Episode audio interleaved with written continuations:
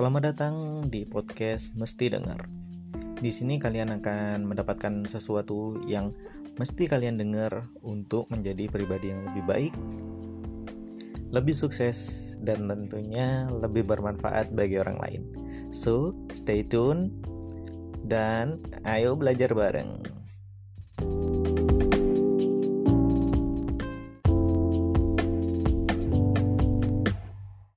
Yo, oke bersama saya lagi di Profesor Y ya dalam season 2 uh, eh, podcast mesti denger yang akan membahas tentang startup dan juga bisnis. Nah, jadi uh, di kemarin-kemarin kita sudah membahas tentang bagaimana cara kita menggenerate atau ya menggenerate sebuah ide. Nah, kalian semua udah dapat ide belum? Udah ya, mungkin udah, udah dapat ide. Nah, oke. Okay. Sekarang seperti ini. Uh, gini, gini, gini, gini.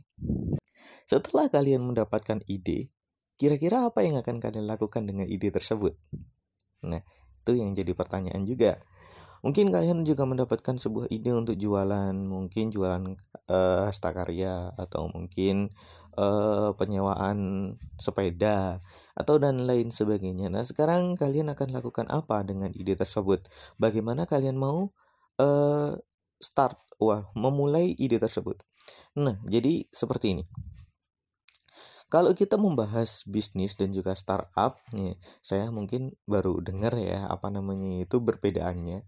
Perbedaannya ini dari buku bukunya Pil lupa saya namanya adalah Zero to One uh, gini gini kalau mungkin uh, saya kemarin denger-denger sedikit denger juga sih kalau buka lapak itu uh, lapak itu ya nggak bukan nggak untung tapi masih belum menghasilkan keuntungan tapi cukup banyak kerugiannya juga buka lapak juga. Saya baru denger-denger berita ini ya cuman saya nggak tahu kebenarannya seperti apa.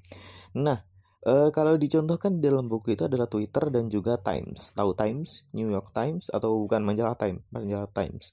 Nah, di situ itu dijelaskan bahwa Twitter itu dulu ketika dia sekitar tahun 2000 lupa saya 2000 berapa. Nah, itu Twitter itu uh, nilainya, nilai perusahaannya itu sama uh, bukan sama. Beberapa kali lipat lebih besar daripada nilai Time sendiri. Padahal ya waktu itu sendiri dalam setahun Twitter itu masih rugi, sedangkan Times di situ sudah memiliki pendapatan atau profit yang di situ jutaan dolar. Tahu kenapa? Karena Times di sini merupakan sebuah bisnis, sedangkan Twitter saat itu itu masih merupakan startup.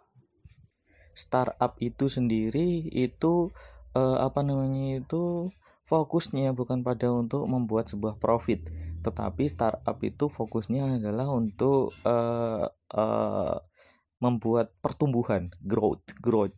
Jadi startup itu biasanya yang high growth jadi pertumbuhannya itu tinggi. Meskipun di situ tidak mendapatkan profit tapi tetap aja yang penting yang penting ngetrend dulu gitu ya kali ya.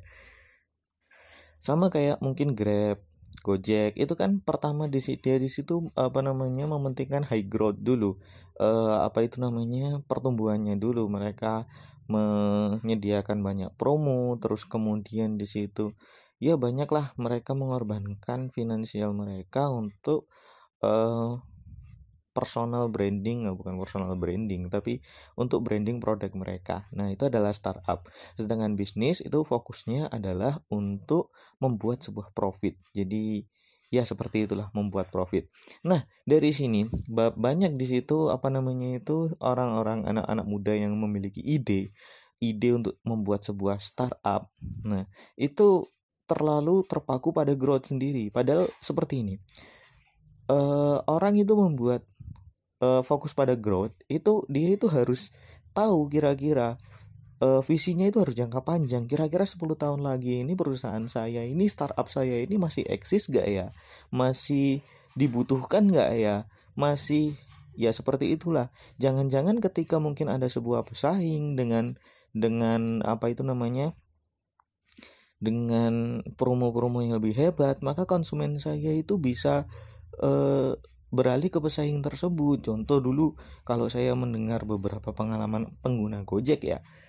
Dulu itu ya Gojek ya cuman Gojek gitu ya. Terus kemudian ketika muncul Grab dan ternyata semuanya di Grab itu lebih murah maka dengan mudah mereka langsung pindah ke Grab nah itu kan ya hal-hal seperti itu juga harus harus itu harus kita pikirkan juga kalau kalian ingin membuat startup. Jadi jangan sampai kalian hanya fokus pada growth-nya dan di situ berangan-angan bahwa di masa depan bisnis atau startup kalian ini akan menjadi startup yang populer tetapi ternyata kalian malah malah di tengah jalan itu berhenti gitu loh. Malah masih tiga tahun atau masih lima tahun itu kemudian uh, profitnya itu nggak nutup sama kerugian yang sudah di diambil atau diterima selama lima tahun itu gak nutup profitnya. Nah kalau seperti itu kan ya ya bahaya juga kan. Bisnis sendiri juga seperti itu resikonya jadi bisnis itu karena bisnis itu adalah e, berfokus pada profit dan kita di situ mungkin tidak memperhatikan masalah penjualan atau bu bukan masalah penjualan sih penjualan itu penting kalau di bisnis. E, masalah branding masalah kepopuleran ya ya bisnis itu kalau sekarang itu ya agak kurang diminati ya karena mereka itu kurang populer gitu loh.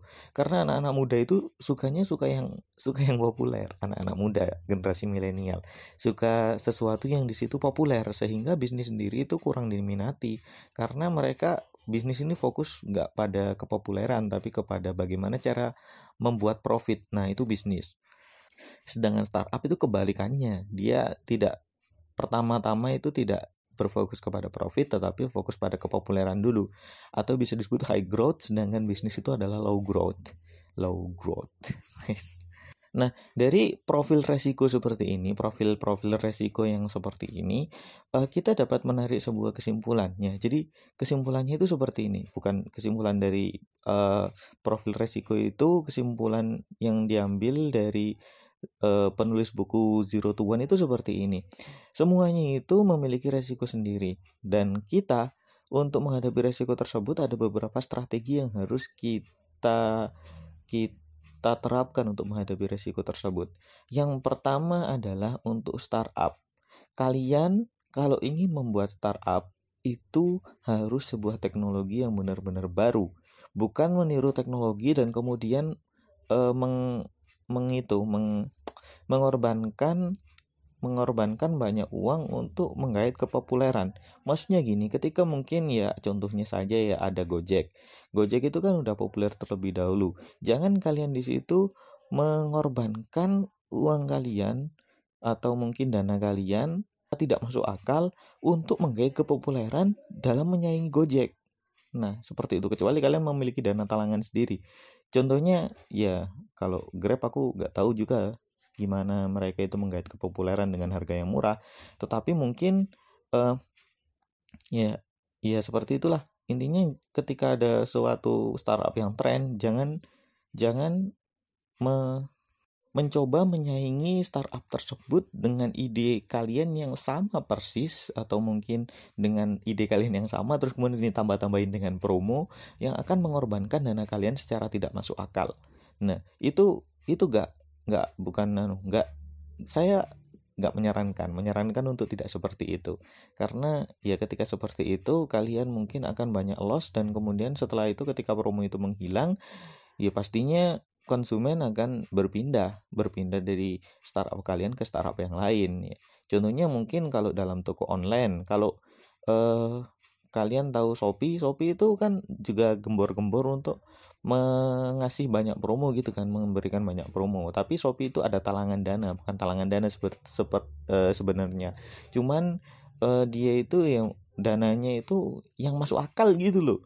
Maksudnya jangan menghabiskan uang yang banyak tapi tanpa perhitungan. Meskipun kepopuleran itu penting bagi sebuah startup, tapi ya ya kepopuleran harus dihitung juga dong. Jangan ngasih promo sebanyak-banyaknya, tapi kemudian setelah itu rugi gak bisa balikin, kan itu bahaya juga. Jadi yang pertama adalah jangan ngikutin tren sebuah startup.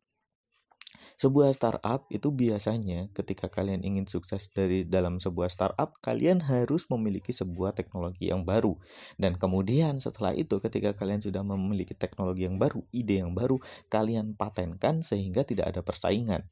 Nah, ini adalah cara yang nomor dua. Pastikan tidak ada persaingan di dalam startup kalian. Karena ketika ada persaingan, ya pasti pasar akan rusak. Maksudnya pasar akan rusak, harganya turun, dan kemudian kalian akan rugi. Nah, seperti itu tidak akan menutup biaya operasional dan lain sebagainya. Nah, jadi ketika kalian sudah membuat sebuah ide bisnis ya pastikan seperti itu tadi uh, jangan ikut-ikutan dan kemudian langsung uh, setelah itu jangan jangan uh, pastikan tidak ada persaingan aduh sampai lupa pastikan tidak ada persaingan dan kemudian setelah itu uh, fokus fokuslah pada pemasaran dan produk. Jadi jangan fokus kepada produknya saja. Mungkin paradigma bagi para startup adalah jika kita di situ terus menerus untuk mengimprovisasi produk kita, maka konsumen akan datang kepada kita. Ya, tapi gak seperti itu. Pemasaran itu juga penting. Pemasaran, penjualan, dan juga produk itu sama pentingnya. Jadi jangan diremehkan salah satunya, tetapi tetap di situ kalian harus bukan mengutamakan salah satu, tapi itu semua penting.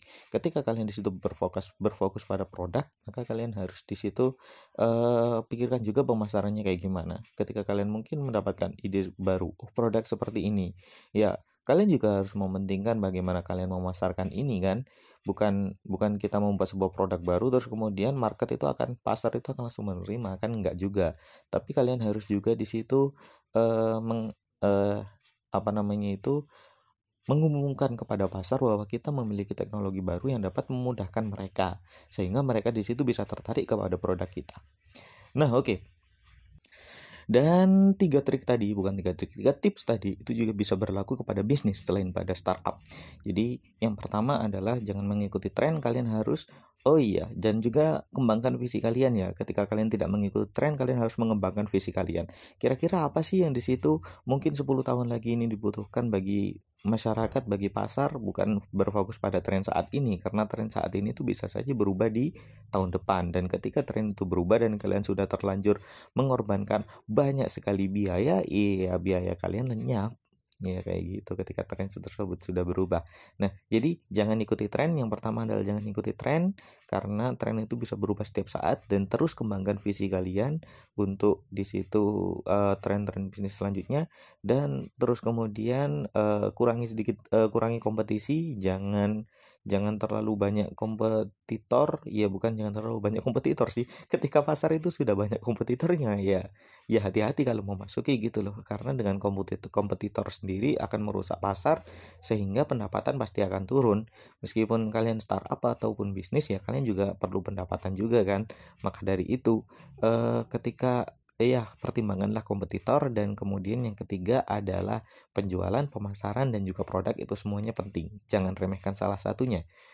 Nah, oke, okay. kalian sudah siapkan membuat startup? Coba kalau kalian siap, coba kemudian angkat tangan, katakan saya